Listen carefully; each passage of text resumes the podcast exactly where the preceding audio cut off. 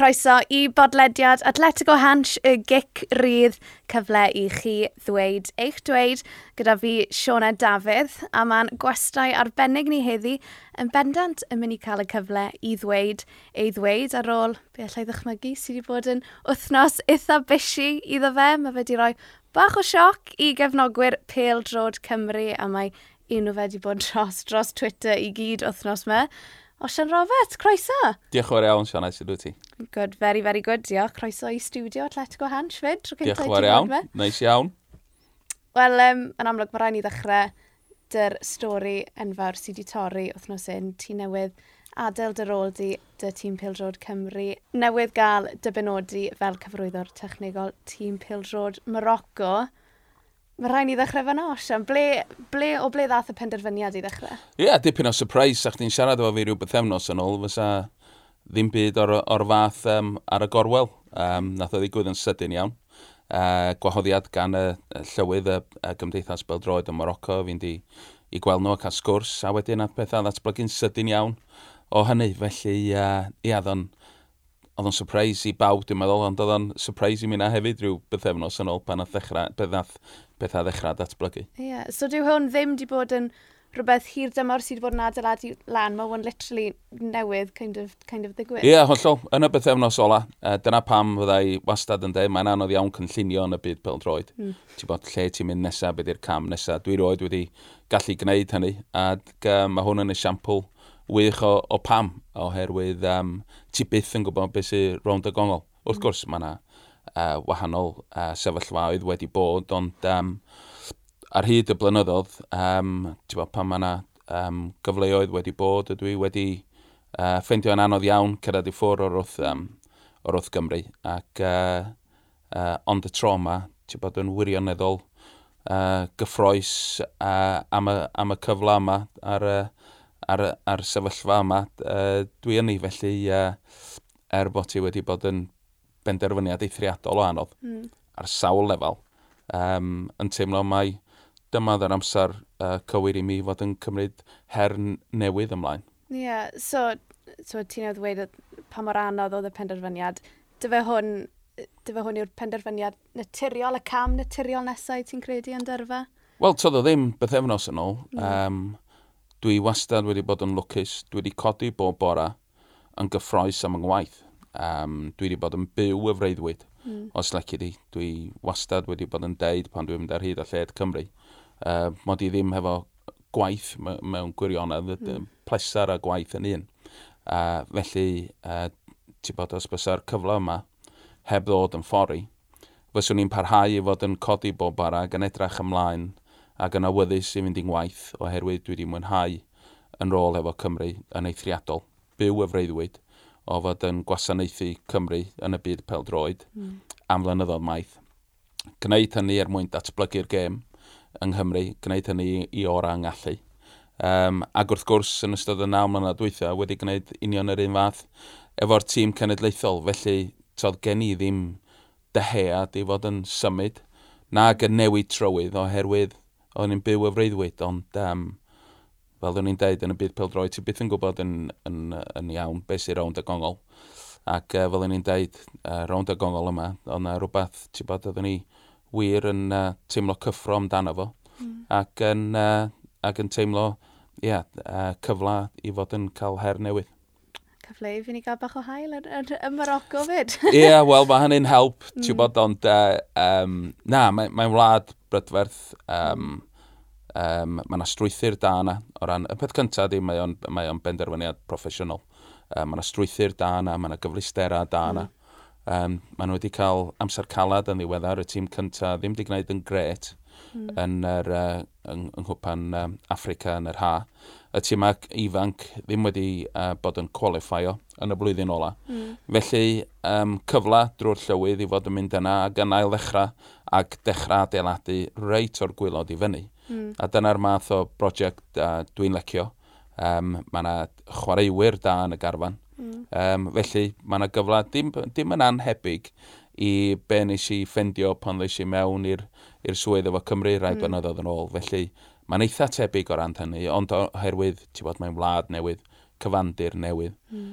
um, dill gwahanol, chwaraewyr gwahanol, mm. math yna beth yn weithiau yn dyrfa, ti'n gorfod gwneud penderfyniad, ti'n bod, um, wyt ti eisiau rhywbeth gwahanol yn dyfywyd a profiadau gwahanol um, pan o'n i'n bedair ar bymthag oed eisiau America am mm. 8 mlynedd a mwynhau'n hun yn eithriadol. Um, nes i feddwl, rioed feddwl sy'n ni'n aros cyhyd yng Nghymru a dwi wedi gwneud, ond um, dyna pam uh, dydy cynlluniau ddim weithiau yn, uh, yn, yn dod yn reality. Um, ond wedi mwynhau bob eiliad uh, wrth gwrs yma yng Nghymru ac uh, a rwan yn cael cyfle i fynd i gyfandir hollol wahanol, profiadau gwahanol ac mm. um, bod, gwneud hynny cyn mod i'n mynd yn, yn rhy hen fel pe bai. Achos mae hwnna rhywbeth i ti'n teimlo'n grif iawn amdano yw mynd dramor i gael profiadau. Ni'n gwybod i ti'n fan mawr o, wel, chwaraewyr ifan Cymru, mis yr Ampadw yep. er enghraifft, bydd e'n ware yn yr Almain. Mae hwnna'n bwysig iawn i ti'n gyfer. Ond i mae oherwydd ei chwaraewyr, mae'n datblygu, no, da ni wedi gweld Matty Smith yn yr iseldiroedd blwyddyn dwytha, mm. a gymaint nath o um, elwa o hynny. Yr un fath i chwaraewyr, ac yn yr un modd i hyfforddwyr. Mm. Ac uh, dwi'n licio gweld hyfforddwyr yn mynd i wledydd eraill uh, i ddatblygu hynna'n. Um, a hefyd i agor y drws i eraill yng Nghymru i fod yn cael profiadau tebyg. Mm. Felly, uh, bod, ar yr un pryd, mod i'n pregethu hynny i chwaraewyr ac i hyfforddwyr, mae'n bwysig weithiau bod chdi'n dangos drwy esiampl. Hmm. Felly, mm. uh, mae'r cyfle yma yn uh, gyfle i mi hefyd fod yn agor drws i hyfforddwyr eraill yng Nghymru um, ar y cyfandir yn Africa. Ne, achos y gwirionedd yw, ni'n gweld lot o reolwyr o Sbaen, o'r Iseldiredd, o'r, or Almain, ond ni ddim yn gweld lot o, o reolwyr o Gymru yn gweithio tramor neu gynnu ar hyn o bryd. Chydig iawn, a ti bod, um, dyna be oedd un o'r pethau nes i elwa fwyaf ohonyn nhw pan nes i allan i'r America yn yr 80au, oedd, ti bod, agor dylygad i, ti bod, mm. i, i be sydd allan, a dydy, dydy'r dydy peldroed ddim yn dechrau a gorffan ym Mhrydain. Mae pawb yn meddwl oherwydd y Premier League yn, yn, yn fyma ar yn, ar yn stepan drws ni. Mm. Mae fyma mae peldroed yn, yn bodoli, ond um, mae yna beldroed da o safon, cyngheiriau da,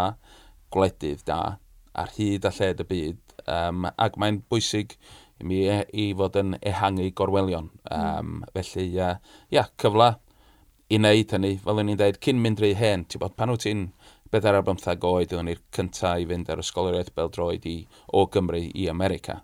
Um, oedd hi'n hawdd, ti'n mm. llawneg ni brwdfrydedd ac yn y blaen. Ond fel ti'n mynd yn hun, efallai fo chdi'n mynd yn llai mentrus yeah. ac yn y blaen. Felly, uh, oedd yn bwysig i mi fod yn, yn pwysiad yr, uh, bod, yr, um, yr gorwelion yna eto. Mm. Ac, um, a bod yn fentrus ac uh, a trio rhywbeth gwahanol. Felly, uh, gan i weld sydd eithi, ond uh, yn sicr, ti'n bod, y, y peth mwyaf ydy, fel ni'n dweud, bod yn anturus, mm. trio pethau gwahanol, um, a nid aros yn dyfylltu'r sgwar ac yn dy comfort zone. Mm. Weithiau, mynd allan o dy comfort zone a gweld sut ti'n gallu ymdopi. Ie, yeah, yn sicr.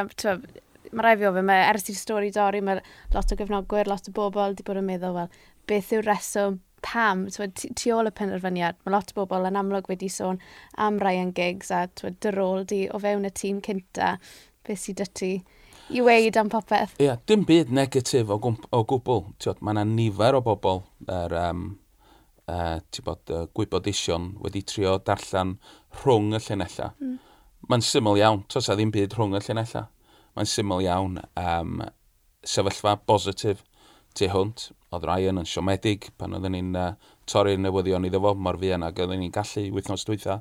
Um, ac yn ddiolchgar am bob dim dwi wedi, dwi wedi drio wneud i'w helpu o. Mm. A fi na'r yr un mor ddiolchgar am y cyfle uh, hefo Ryan, dwi wedi mwynhau bob eiliad efo Ryan fel neis i efo Gary Speed a fel neis i efo Chris Coleman. A toedd yn rôl i ddim llai. Mae yna hmm. rei yn, yn trio dweud bod o, o bod Ryan wedi dod ag Albert Swivenberg i mewn ac felly fod yn rôl i'n llai. Tos a ddim byd sydd yn bellach o'r gwirionedd oedd yn mm. mewnbwn i i mewn. Um, union yr un fath ac mm. uh, yn uh, nolet swydda fi. Felly um, mae'n wrth drio ffeindio rhywbeth negatif yn amffodus. Tos am stori yna, tos am drama. Uh, dim ond newyddion da o ran bod ni wedi cael amser gwych efo'n gilydd Ac fel o'n i'n dweud, os bysa'r cyfle yma heb ddod, heb ddod uh, ger bron, mi fyswn ni'n codi bob bora yn edrych ymlaen mm. i fy swydd efo, efo Ryan a, a trio cael y tîm cenedlaethol i fod yn, mm. yn ennill gema. Felly uh, dwi'n gadael ar drothwy uh, cyfnod hynod o bositif i'r tîm cenedlaethol. Mm. Oedd yn gwneud ti'n benderfyniad eithriadol o anodd. Ond uh, oherwydd dwi wedi tyfu fyny, dwi'n wedi tyfu fyny, mae'r plant yma wedi tyfu fyny. Um, o, o dana fi yr hogia yma sy'n dod drwad rwan mm. i mewn i'r tîm cyntaf genedlaeth ifanc yma. Felly uh, dwi'n meddwl y byd ohonyn nhw. Mm. Um, ac yn abod bob un yn nhw ers blynyddoedd maith yn, yn dda a'i rhieni, a'i teuluoedd ac yn y blaen. Felly mae'n amser anodd i fod yn cyrraedd i ffwr. Ond ar yr un pryd, dwi'n teimlo mod i'n cyrraedd i ffwr a'r drothwy rhywbeth special i'r tîm cenedlaethol sydd yn golygu mod i'n gadael y swydd um, mewn sefyllfa dda mm. ac, uh, a bod yna fwy ddod. Mm. Ac um, oherwydd hynny, dwi'n teimlo uh, mod i wedi chwarae'n rhan ac um, dwi'n gallu gadael uh, bod, ar yn herma yn hun, mm. bod, yn yn amser yn hun pan dwi'n penderfynu mynd. A mae hynna weithiau yn gallu bod yn, yn bwysig. Bod, um, mae pawb efo'i selbai det, uh, a nath fi ddim cwaith cyrraedd. Felly ges i adael ar yn herma'n hun Uh, a mae hynna'n yn bwysig i mi. Ie. Yeah. Nes ti weid um, yn y tweet, nes ti roi mas, o ti'n teimlo'n barod i gael swydd y tîm cynta. Um, a ma, eto mae lot o bobl yn gweud falle na reswm pam i ti wedi gadael, ond fi'n credu lle ti gytuno, os taw hwnna oedd y gwir, bydde ti wedi gadael yn syth bein ar ôl i ti byd o cael y swydd? Wrth gwrs, os oedd gen i unrhyw broblem ac um, negatifrwydd tuag at um, y penderfyniad, yna wrth gwrs fyswn i wedi gadael bryd hynny, neu o hmm. leia wedi rhoi gorau i'r tîm cenedlaethol a cario ymlaen fel cyfarwyddwr technegol. Mm. Oedd gen i'r dewis i wneud hynna, ond yn dilyn sgwrsio efo Ryan, um, a penderfyniad y gymdeithas oedd bod Ryan yn dod i mewn, a fedrai llwyr dda allan ni. Mm. Ond hynny ddim yn golygu mod i ddim yn barod, a di ddim chwaith yn golygu mod i ddim yn, yn, uh, yn, yn, yn meddwl bod um, Ryan oedd y person iawn, mm. ac uh, y person cywir i, i symud beth amlaen. Felly, tio, dwi wedi mwynhau, a fel o'n i'n deud, y profiad efo Ryan, mae Ryan wedi bod yn wych. Ac, um, a gobeithio mae Dina wedi bod yn, yn wych iddo fo. Mm. Felly, mm. uh, fel, fel na mae pethau, di bob dim ddim yn mynd uh, o dy blaid i mm. mewn, uh, mewn bywyd. E, uh, mae yna benderfyniadau anodd yn gorfod cael ei gwneud. Um, ac os... Ac oherwydd hynny, ti'n bod, um, wyt ti'n cario, wyt ti'n gwneud penderfyniad, wyt ti'n cario ymlaen efo dy waith, neu ti'n symud, neu beth bynnag ti'n gwneud, mae pobl yn ei gyrfaoedd yn gwneud hynna mm. uh, dros amser. Um, ond oeddwn ni'n dal i fod yn gwneud yn union beth o'n i'n wir fwynhau i wneud ac yn, uh, ac yn llwyr fwynhau hynny a dwi ddim am eiliad wedi edrach tu allan uh, am unrhyw swydd wahanol. Um, a dyna wrth gwrs fyswn ni wedi gwneud os byswn ni yn anhapus ond mm. uh, nath hynny rioed ddigwydd ac uh, o'n i bai fel o'n i'n deud fod um, uh, Morocco wedi cnocio ar y drws yn ansicr fyswn ni wedi bod yn gobeithio ac yn edrach ymlaen i'r ddeg mynad nesaf yma fel cyfarwyddwr technegol a gobeithio efo'r tîm cenedlaethol hefyd. Mm. Felly, uh, uh, fel o'n i'n dweud, ti byth yn gwybod beth sy'n rownd y gongol. Ond um, y peth ond yn sicr i mi oedd mod i wedi llwyr mwynhau bob eiliad o'n rôl fel cyfarwyddwr technegol ac fel uh, israelwr y tîm cenedlaethol. Mm. Credu cwestiwn arall lle mae pobl yn wyndran yw pam gwlad a nid clwb falle. Ie, yeah. ie, yeah. cwestiwn da. Mm. A sa chi'n siarad fo fi i dair wythnos yn ôl, allan y clwb fysa fo wedi bod. O'n i'n eithriadol okay. o agos. Ond um, i, i fod yn isreolwr yn un o'r clybiau mwyaf yn yr, yn yr uh, uwch gyngrair.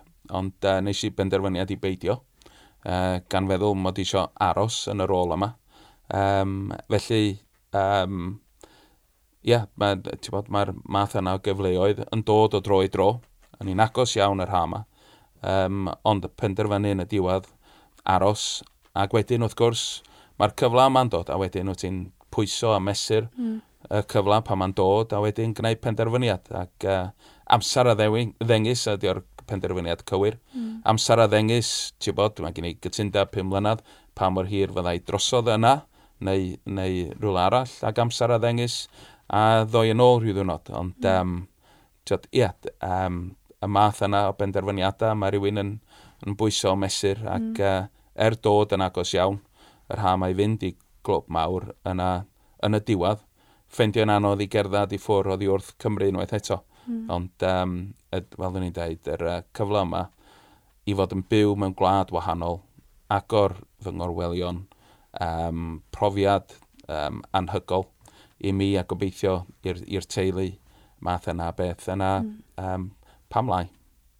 Allai ofyn pa glwb, neu ydy hwnna'n... Oce. Okay. Pa glwb oedd e? Gei di ofyn. Na, mae'n hollol anheg, ie, mae'n hollol anheg i ddeud. Ti'n wir, ti'n wir. So, yn edrych mlaen i Morocco, hmm. ydy'r job mynd i fod, o ran y sefyllfa, ti'n mynd i fod yn byw mas yna llawn amser, i ti'n mynd i fod yn... On sicr, ie, hmm. ie. Dwi isio byw yn y, yn y wlad oherwydd dwi ddim yn lecio a choelio mewn bod, just dropio mewn bob mm. hyn a hyn. Dwi eisiau dysgu am y wlad, cyfle i fod yn ail ddysgu fy Ffrangeg ac yn y blaen, di dechrau'n barod. Um, felly, ie, yeah, na, just isio bod y profiad yn un llwyr. Mm. Um, ac wrth gwrs, dwi'n meddwl bod o'n bwysig pan wyt ti'n uh, gweithio i wlad, bod chdi'n byw yn y wlad. Yeah, yeah. Ac um, yn sicr, mae hynna'n bwysig i mi, dwi eisiau dangos hynny.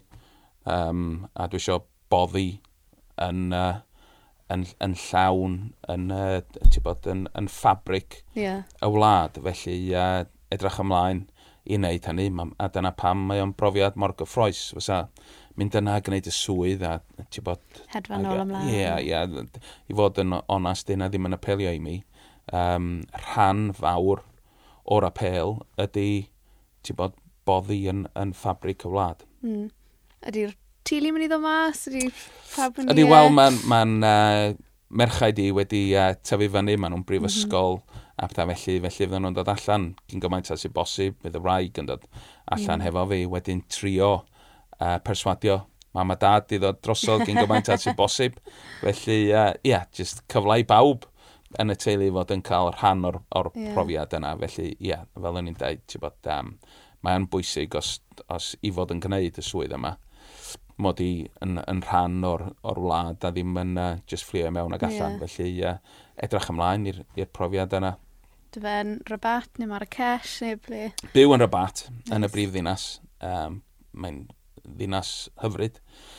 Dwi wedi bod i Marrakesh o blaen, dwi wedi bod i mm. Casablanca, dwi wedi bod i Agadir. Marrakesh yn joyous i Marrakesh, oedd yn briliant. Yeah, Dy'r tŵr mawr ar sgwad, yeah, dyna'n anifeiliad i'r. Yndi, yndi, yndi, anhygol. Yeah. Felly, uh, edrych ymlaen i fod yn nid yn unig mynd drwy'n ni, ti bod, wedi bod ar wyliau, ond drwy'n mm. gallu byw yn, yn rhan o'r wlad. Felly, mm. ie, mm. uh, yeah, dim gobeithio bydd o'n uh, brofiad uh, positif eithriadol ac mae'n amser i ddod gallai edrych yn ôl ac um, mm. ti bod fel rhan o'n ngyrfa pel droed, mod i'n gallu edrych yn ôl ar amser arbennig yn America, ffrindiau agos gen i o, o, oherwydd hynny uh, yna da ni'n dal um, yn, yn gweld yn hyn yn, yn gyson.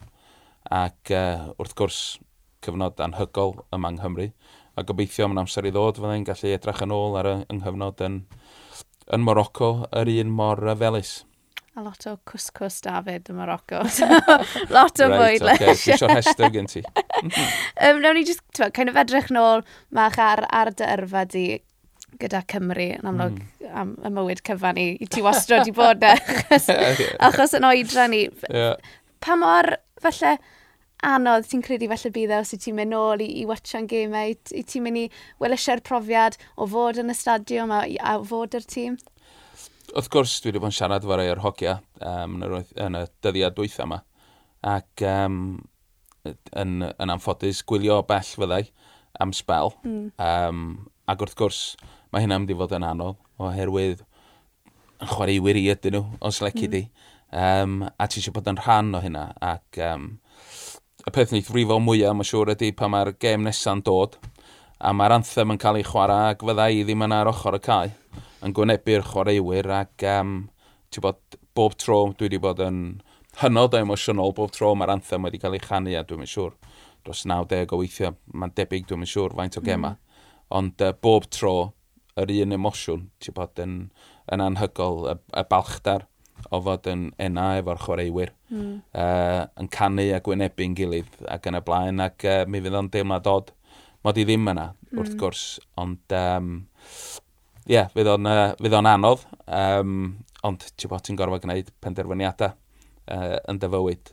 Ac, um, so, ie, yeah, dwi'n siŵr pryd fyddai'n gweld nhw'n fyw eto, gobeithio mm. bydd hynny yn, uh, yn yr Euros, fysa, fysa hynny'n neis.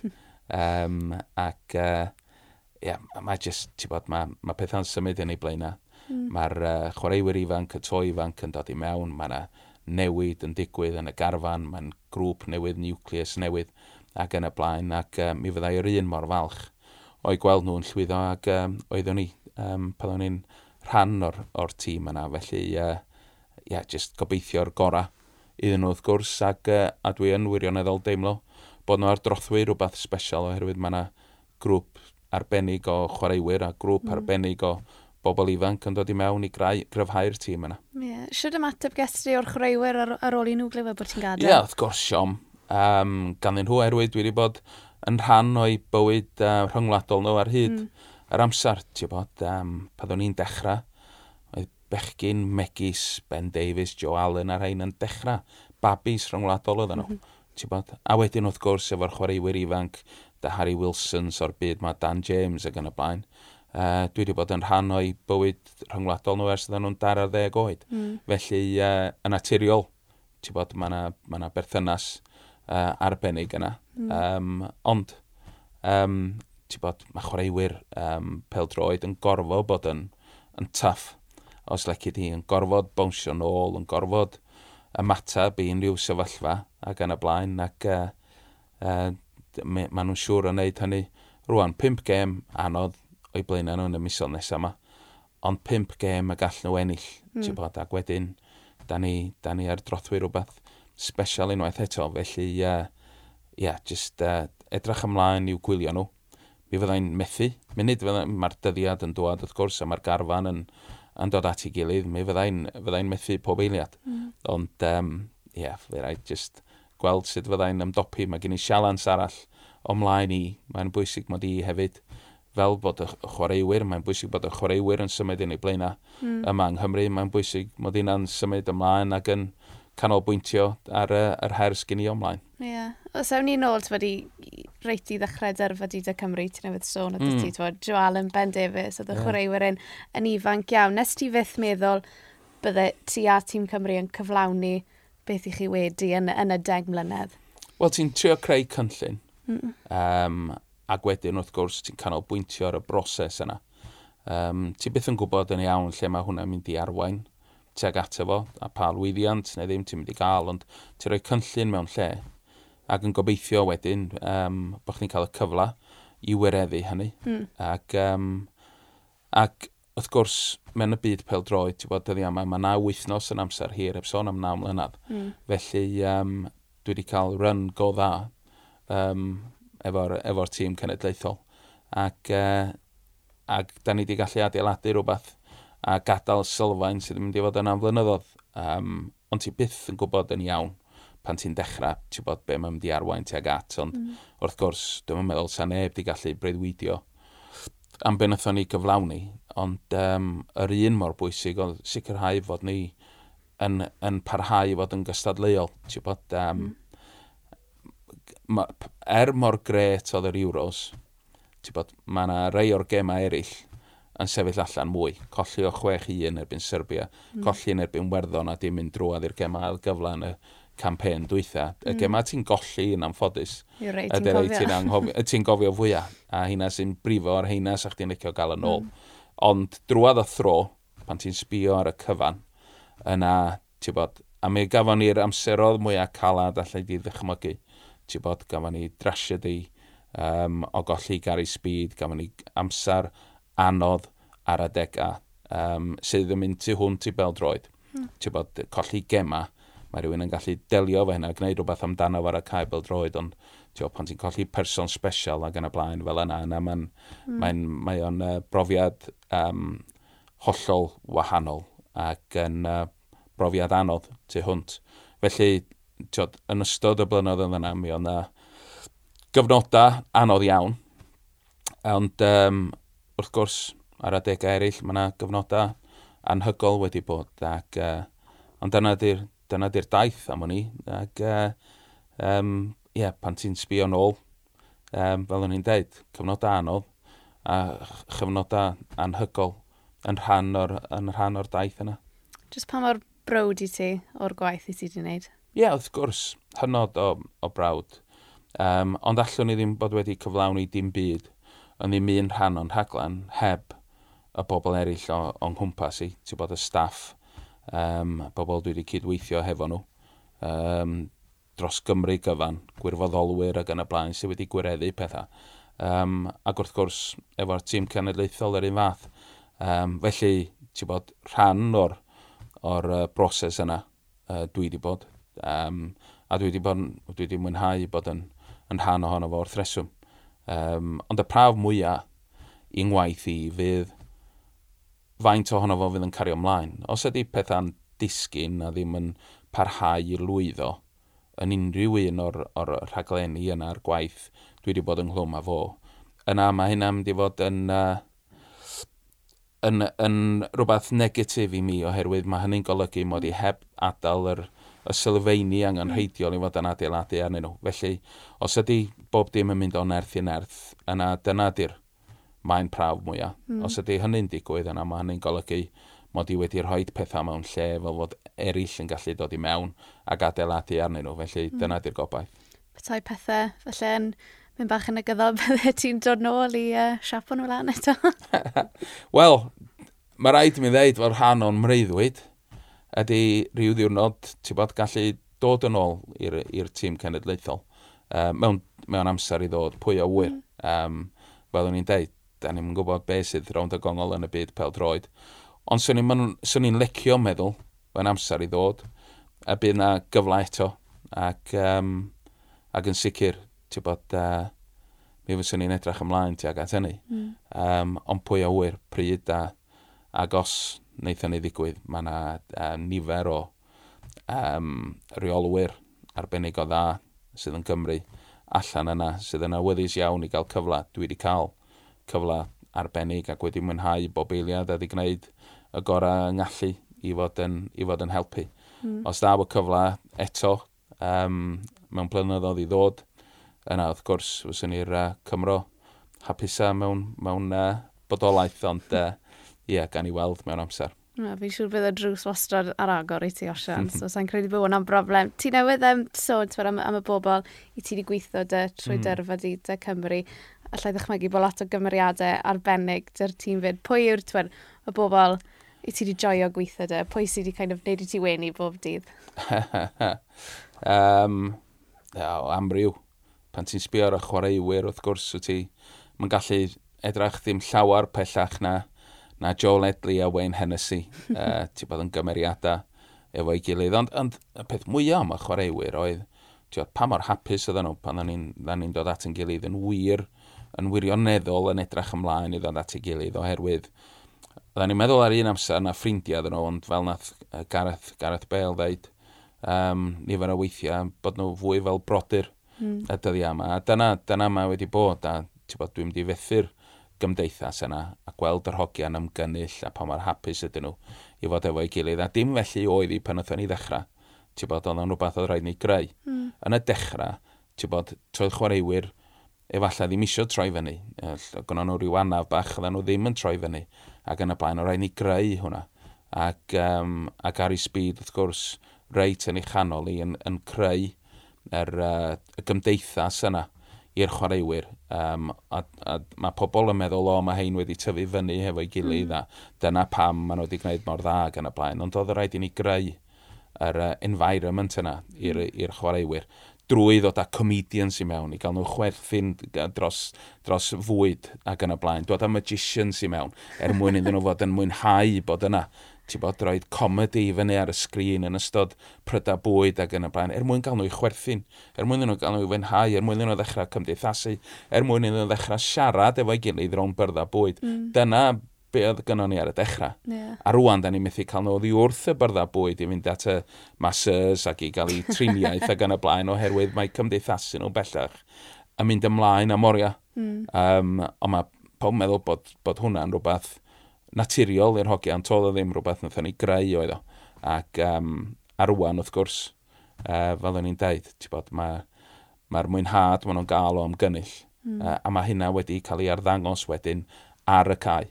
Mm. Bod, ac um, felly, ti'n bod, y math yna bethau sydd roi gwen ar yngwyneb i fod bod ni wedi gallu creu rhywbeth special. Ac uh, rwan, wrth gwrs, mae'r hogiau ifanc sy'n dod i mewn. Da ni'n gorfod gwneud y math yna mm. bethau hefo nhw.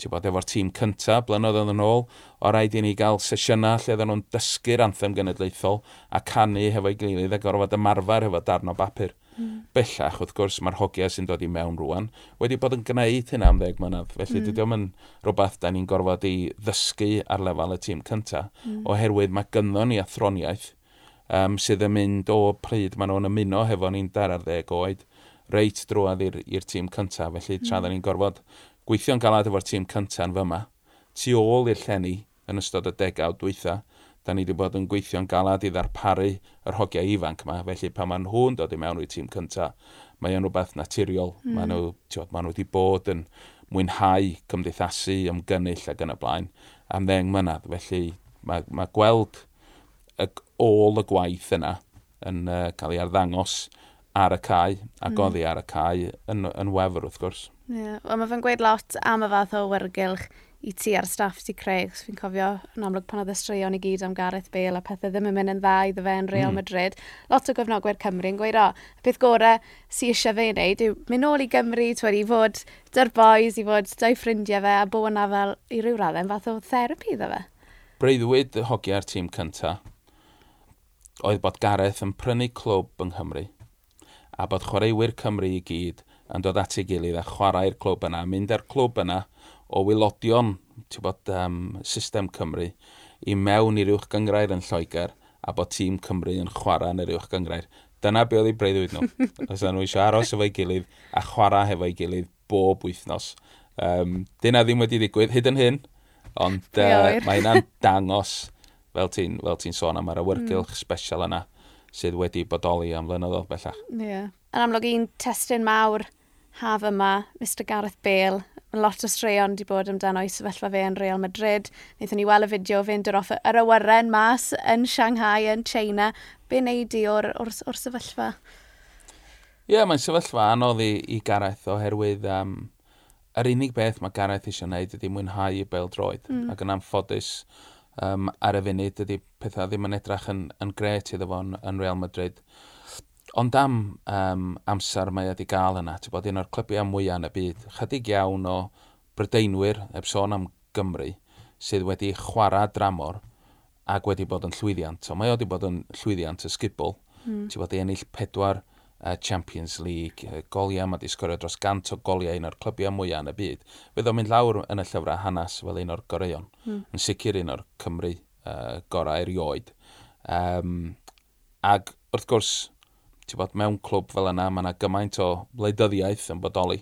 Mm. Yna mae yna ma mae'n ma amser eitha anodd iddo fo efo hynny. Yr un peth dwi'n wybod am Gareth ydy, os ydy o'n hapus, yna ti'n cael o'r i ora. Os ydy o'n hapus oddi ar y cae, ti'n cael y gorau ohono fo ar y cae.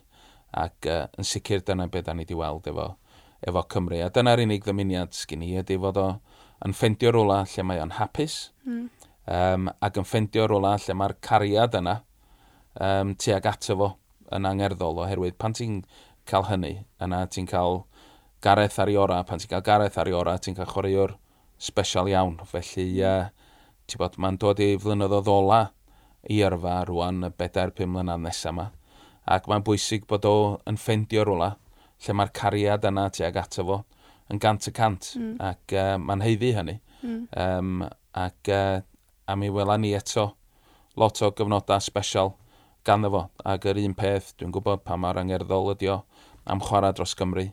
Ac fysa'n neis gael o i o leia un tournament mawr, bod o'n Euros neu gwpan y Byd.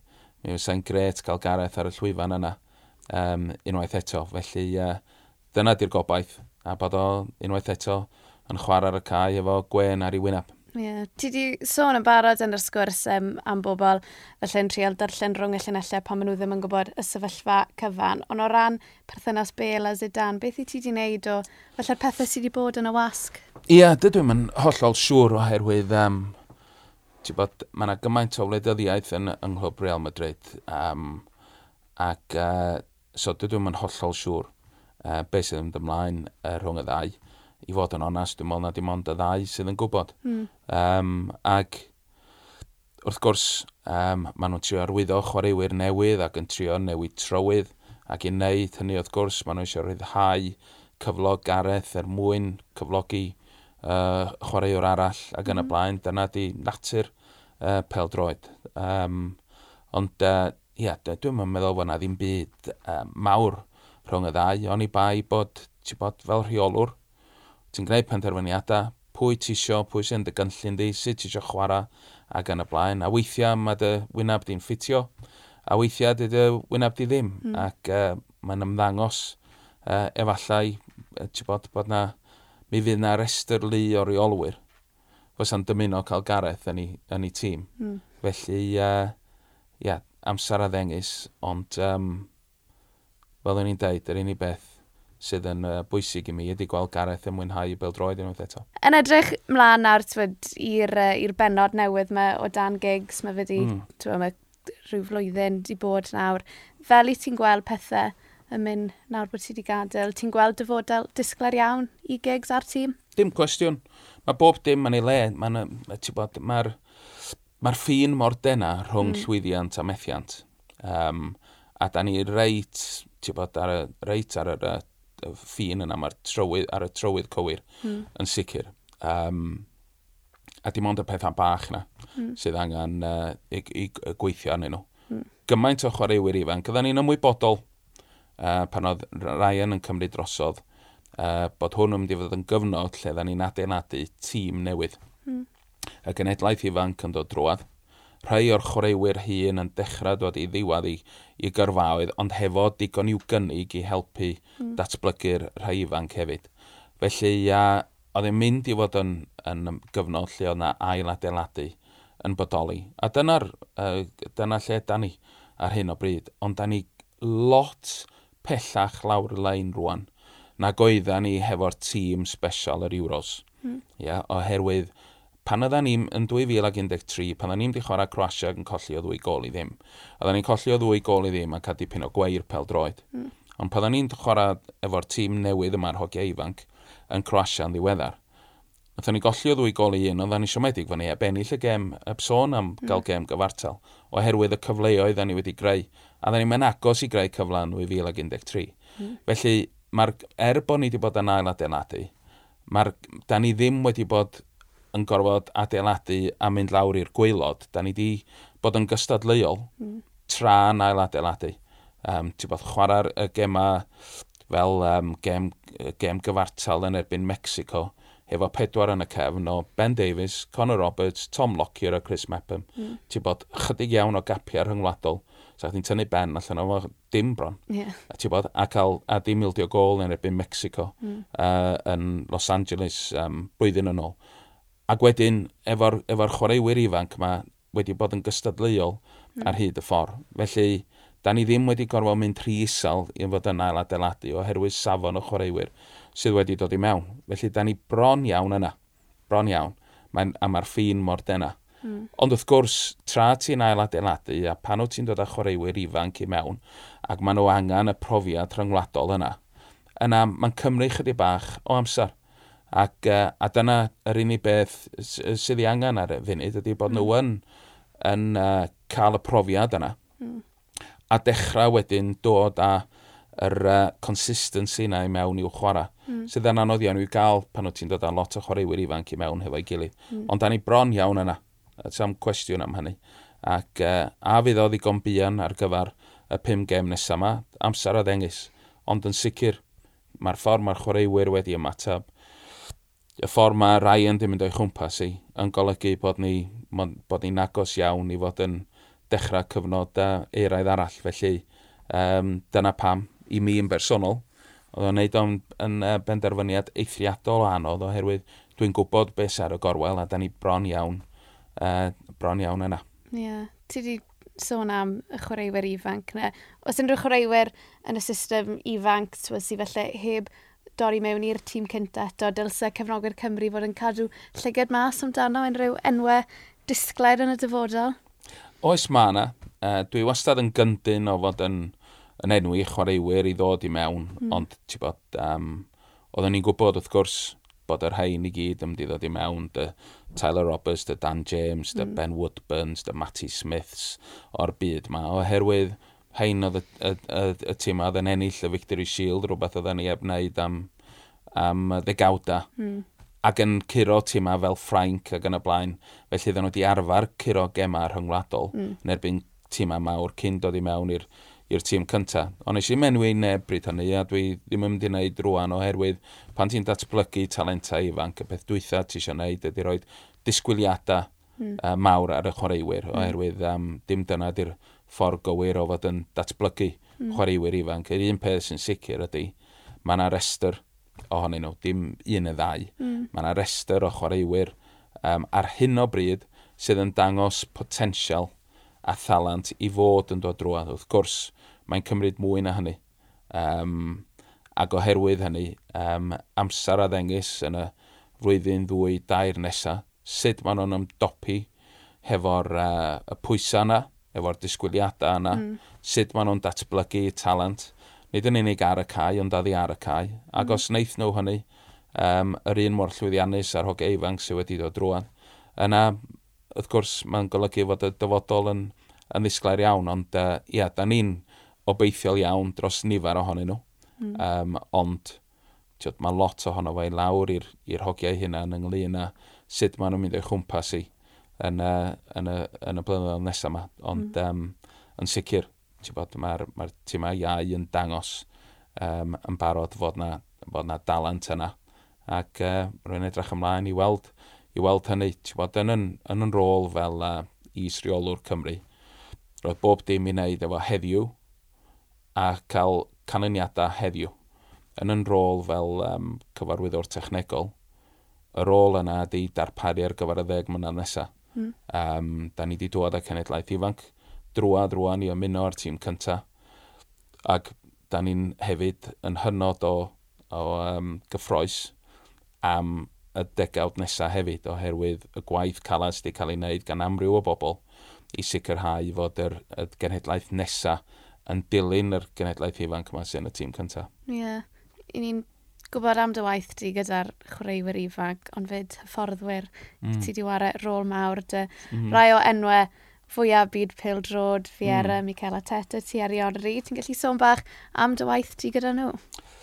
Ia, wrth gwrs, um, un o'r pethau ddwn i eisiau wneud pan eisiau ddechrau, oedd creu yr, um, y culture yna yng Nghymru, bod pobl isio datblygu sgiliau hyfforddi. Mm isio dod i gyrsiau hyfforddi, mwynhau hynny ac yn elwa o hynny ac o ganlyniad i hynny, codi safon yr hyfforddi um, ar sawl lefel um, yng Nghymru fel yn yr uwch gyngrair er enghraifft. Felly, um, da ni wedi gweld hynny'n digwydd.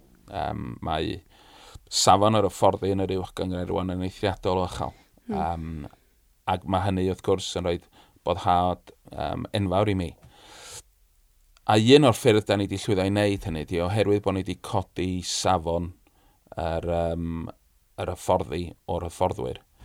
Ydy fod gweddillion bod, y y byd hyfforddi o bob rhan o'r byd wedi penderfynu mm. dod i Gymru er mwyn cael yr un addysg.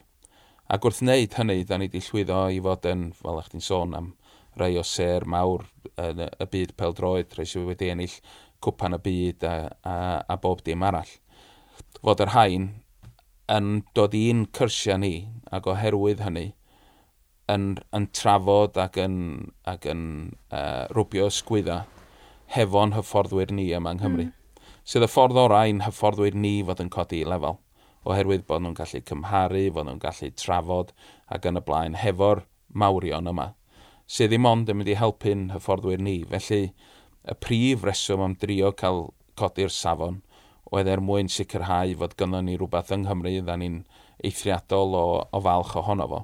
Ond ar yr un pryd wedyn fod hynna'n mynd i elwa y byd peldroed yng Nghymru yn y fforddwyr ni. A dyna yn sgil hynny sydd, sydd wedi digwydd ac felly dyna pam y gynnon ni fforddwyr lot gwell rwan sydd yn Gymru, mm. um, sydd yn uwch gyngrair ni a thu allan i Gymru ac, um, ac wrth gwrs da ni eisiau hynny barhau. Felly, wrth gwrs, roedd boddhad enfawr i mi unwaith eto fod gynnon ni ti'n bod y math yma o chwaraewyr a fforddwyr yn dod i Gymru fach mm. i gael ei haddysg. Felly, uh, dwi'n meddwl fod hwnna'n rhywbeth y gall Cymru gyfan fod yn uh, eithriadol o falch ohono fo. Math Tierion Ripi golan yn rhyw ire Cymraeg tra ddim e diolch, yn dweud diolch, dim problem. Ie, yeah, oedd. Um, a maen nhw i gyd, ti'n bod, yn dod yn ôl, dyna di'r unwaith eto, y mae'n prawf i mi, na pan nhw'n gorffan ei haddysg yma, fod nhw'n dod yn ôl. Mm. Oedd Patrick Vieira drosodd yn yr ha i fod yn siarad yn yr, um, yn yr uh, ganhadledd hyfforddi i un hyfforddwyr ni. 200 a hanner o fforddwyr o Gymru yn dod i'r ganhadledd a Patrick Vieira yn fflio i mewn uh, o Ffrainc am ddau ddiwrnod dod i mewn i fod yn rhannu y profiadau fo mm. hefo nhw. Yn ddi dal, yn talu am ei fflait ei hun, uh, uh, a'i gostau hun er mwyn dod yn ôl a rhoi rhywbeth yn ôl i beldroed yng Nghymru. Mm. Felly mae hynna yn deud cyfrola am bod, be maen nhw'n deimlo, maen nhw wedi cael uh, ganddo ni yma yng Nghymru, mm. a faint maen nhw eisiau rhoi yn ôl i beldroed yng Nghymru. Yeah. O, oh, sicr yn amazing. Fi'n jealous bod ti wedi gweithio dy Michaela Teta. Fi'n credu bod e'n bod e'n ffab. Gwallt gorau i fi di gweithio. fi di cael. Mae rai bod o'n rhoi lliw yn y fod, dyri. Ond dyna beth dwi ddeithio fo, pryd bynnag. Os yna ni'n dechrau redeg mas amser, fi'n mynd i roi ti ar y spot tyma bach nawr, achos i ti yn nabod chwaraewyr Cymru yn well na unrhyw un arall. Mhm. So, i fi moyn i ti enwi starting 11. Off. Gorau ti, ond o, o unrhyw gyfnod. So, mae wow. tîm dy fi, a wedyn mae tîm dy ti. So, ti boi'n i fi fy'n gyda ni. Go on then, go on. Right, so dy fi mae Neville Southall yn gol. Mm. Gone mm. for a three at the back o Mel Charles, Ashley Williams, Ben Davis. Felly bod chi'n thema swans. Dy tîm Cymru fi, falle. A wedyn, Gary Speed, Aaron Ramsey, Terry Oreth, Bale a Giggs. A wedyn, John Charles a John Toshak up front. Dim yn drwg o gwbl. Da iawn chdi. Mae well na'n hi mi, mae'n siwr. Ti di roi fi ar y spot, mae rai mi ddeud. So, sa rai fi gytuno fo chdi o ran gol geidwad er wneith wen ddim diolch i mi. um, ond ia, yn ei gyfnod, ti'n bod y, y gora yn y byd ar un amser, mm. um, Southall, felly ti'n bod, fysa rai chdi uh, ddeud hynny, mae'n debyg. Ond, um, ia, mae'n anodd iawn i mi beidio dewis yn, yn, chwaraewyr i, os lecu di. Yeah. Um, fyswn ni'n rhoi um, Kevin Ratcliffe efo Ashley Williams yng mm -hmm. nghanol, dwi'n dan bedwar yn y cefn. Um, Mae'n debyg. Um, Mae rhaid i mi roed Chris Gunter i mewn mm -hmm. yn fel cefnwr de oherwydd be mae wedi gwneud dros di wlad. Um, cefnwr chwyth, anodd iawn anodd iawn. Hannar bob un i Neil ac uh, Ben. Briliant. uh, canol Cai, ie, yes, sy'n ni'n cytuno fo Gary Speed yna. Mae rhaid i Aaron Ramsey fod yna. A mae rhaid i Joe Allen fod yna i mi. Mm -hmm. So, dyna y tri yna. Yng nghanol Cai, mae'n debyg. Dwi eisiau Joe Ledley yna, jyst oherwydd mae'n bwysig bod o. Mae'n y garfan yn sicr. Yeah. Um, ac uh, yn, uh, A dyna di pobl ddim yn sylweddoli am Joel Edley. Ydy pa mor bwysig ydy, ydy pobl ddim yn sylwi um, oherwydd di o'n gwneud yn byd ffantastig, mm. iawn, ond di o byth yn gwneud yn byd gwirion. A di o byth yn rhoi y bel i ffwr. Mm. A di o byth yn chwarae yn, yn, yn bell, neu di o byth yn gwneud rhywbeth spectacular mewn gêm. Ac eto, pan di o ddim yna, da cynnig ti'n gweld i wertho. Mm. A dyna sydd yn bwysig fo'r ei chwaraewyr, bod nhw'n gallu, tiod, y blend yn, yn gywir. Ac um, pan mae o wedi bod ddim ar gael yn ddiweddar ac yn y blaen pryd hynny i mi yn bersonol da ni wedi ffeindio i gollio. Yeah.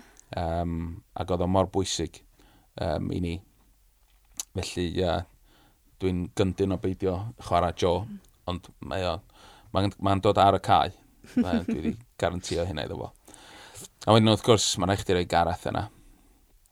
Wedyn, dau flaenwr arall rysi i sgorio'r goliau. Mm. A wedyn, dwi'n meddwl, dwi eisiau rhoi Craig i mewn, oherwydd fod di'r un gorau dwi roed wedi weithio hefo o ran ymarfer a gosod okay. safon. Mm. A pan nath um, hogiau ifanc fel Aaron a Gareth o'r hein ddod i mewn i'r tîm cynta, ti'n bod, fo Craig oedd yn gosod y bar, fo oedd yn hmm. sicrhau mm. fod pawb yn ymarfer ar y lefel broffesiynol yna, gwneud bob dim o'r dechrau un i bob sesiwn, mm. sydd yn cnesu fyny, gwneud bob dim yn berffaith oherwydd dyna'i, dyna gymeriad o. Ac uh, oedd o mor bwysig i ni um, ar y cae ymarfer ac yn yr ystafell newid o ran dod o'r chwaraewyr ifanc yma drwad. Um, felly mae Craig yn lwcus iawn i beidio bod yn y tîm. Um, ond sa rhaid i mi roi um, Ryan i mewn. So Ryan, Gareth a, a Rysi fysa'r tri blaenwr i mi. So, Rhi blaenwr da iawn. dim yn ddrwg, dim yn ddrwg. Mae yna lot o chwaraewyr da ddim yn y tîm yna. Gos yeah. dwi'n gofyn i mi fori. Yeah. Felly fydd o'n dim hollol wahanol. Ond um, sy'n sy mynd bell o hwnna, dwi'n meddwl. Sy'n ni reit hapus efo'r efo tîm yna yn mynd allan. Ond, um, ti'n bod, tîm di hwnna lle ti'n dewis unigolion. Mm. Ti'n bod, beth sy'n rhoi mwy o fwynhad i mi ydy um, efo'r grŵp hynna oedd ganddo ni yn yr Euros, wrth gwrs, bod ni wedi troi unigolion yn, yn dîm, mm. bod, a seran y tîm oedd y tîm, bod, ac, uh, ac gymaint o se, seran ydy Gareth wedi bod, bod, y peth gorau amdano fo oedd bod o'n chwaraewr i'r tîm mm. gyntaf ar yn rhywun fath, ti'n bod chwaraewyr yma oedd yn fodlon rhoi o'i hunan er mwyn y tîm a rhoi y tîm gyntaf. Mm. Ac, um, a dyna ti'n bod, ydy'r mesur mwyaf, sut ti'n gallu creu tîm allan o grŵp o unigolion. Mm. Ac, um, yeah, dyna beth yn gret am y tîm yna. Felly, lot o'n nhw efallai ddim yn cael ei mewn yn un o'r ddeg unigolyn gora. Mm -hmm. Ond um, yn sicr um, i mi, yn, yn, yn, yn amser i, uh, dwi wrth gwrs, o'n i ddim o gwmpas yn, yn 58. Uh, felly, um, dwi'n fel Mel Charles a John Charles ac yn y blaen ddim, mm. ddim yn, yn, yn hi mi oherwydd tiwod, allai ddim i cymharu nhw os lecu mm -hmm. di. Um, ond yn sicr, ti'n bod, i mi, y tîm gorau yn yn amser i. Mm. -hmm. Uh, Di'r tîm yr Euros 2016 er, um, nid bob un yr unigolyn gorau, ond beth nhw'n rhoi i'r tîm i greu tîm go iawn yna oedd yn rhywbeth special iawn. Yeah ti'n newydd dweud o'r tîm cyfan oedd y seren, oedd ffrind y fi yn y doleg ar ôl yr Euros, mm. nath e stico llun o tîm Cymru ar sen, seren o fe'r top y coed yn y doleg. So, mae hwnna'n gweud lot am y fath o dîm oedd yn yr Euros. Wel, os ni uh. wedi dod i ben, just cyn i ni gloi, yn amlwg lot o, wel, rhan fwy o gefnogwyr, Pêl Drod, Cymru Cymraeg yn gryndo. Beth yw dy neges di i gefnogwyr Cymru? Ie, yeah, parhau i fod uh, yr un mor gefnogol, mae'r chwaraewyr angen y cefnogwyr. Um, Ro'n ni'n rhan o'r cyfnod lle chydig iawn oedd yn dod i wylio'r tîm cenedlaethol. Oedden ni'n gallu cyfru faint o, o gefnogwyr oedd yn dod i'r stadiwm i, i wylio'r tîm cenedlaethol. Mewn gyrona, oedden ni'n gallu enwi nhw hefyd o'n ogyn lliad.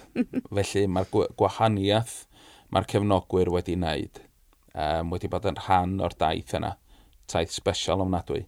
Um, maen nhw wedi bod yn, bod, yn, yn holl bwysig i be mae'r chwaraewyr wedi allu greu.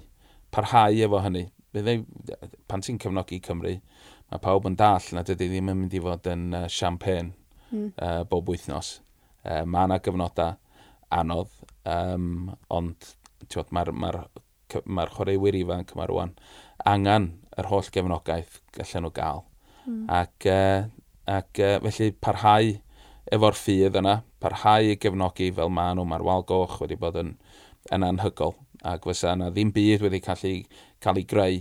Dwi wedi bod yn sôn am chwaraewyr, dwi wedi bod yn sôn am y tîm, um, a'r llwyddiant, ond fysa yna ddim o hynna wedi dod i'r gwynab heb bod y cefnogwyr wedi chwarae'r rhan a'r wal goch wedi, wedi chwarae'r rhan ac um, oherwydd hynny mae'r briodas yna rhwng y chwaraewyr a'r cefnogwyr yn un special iawn. Mm. Ac uh, mae'n mae bwysig bod hynna'n parhau. Felly parhau i gefnogi efo'r un angerdd, yr un cariad, ac uh, dwi'n siŵr y bydd yna brofiadau melus iawn yn, uh, yn dod i ffordd nhw yn, uh, yn fuan iawn eto.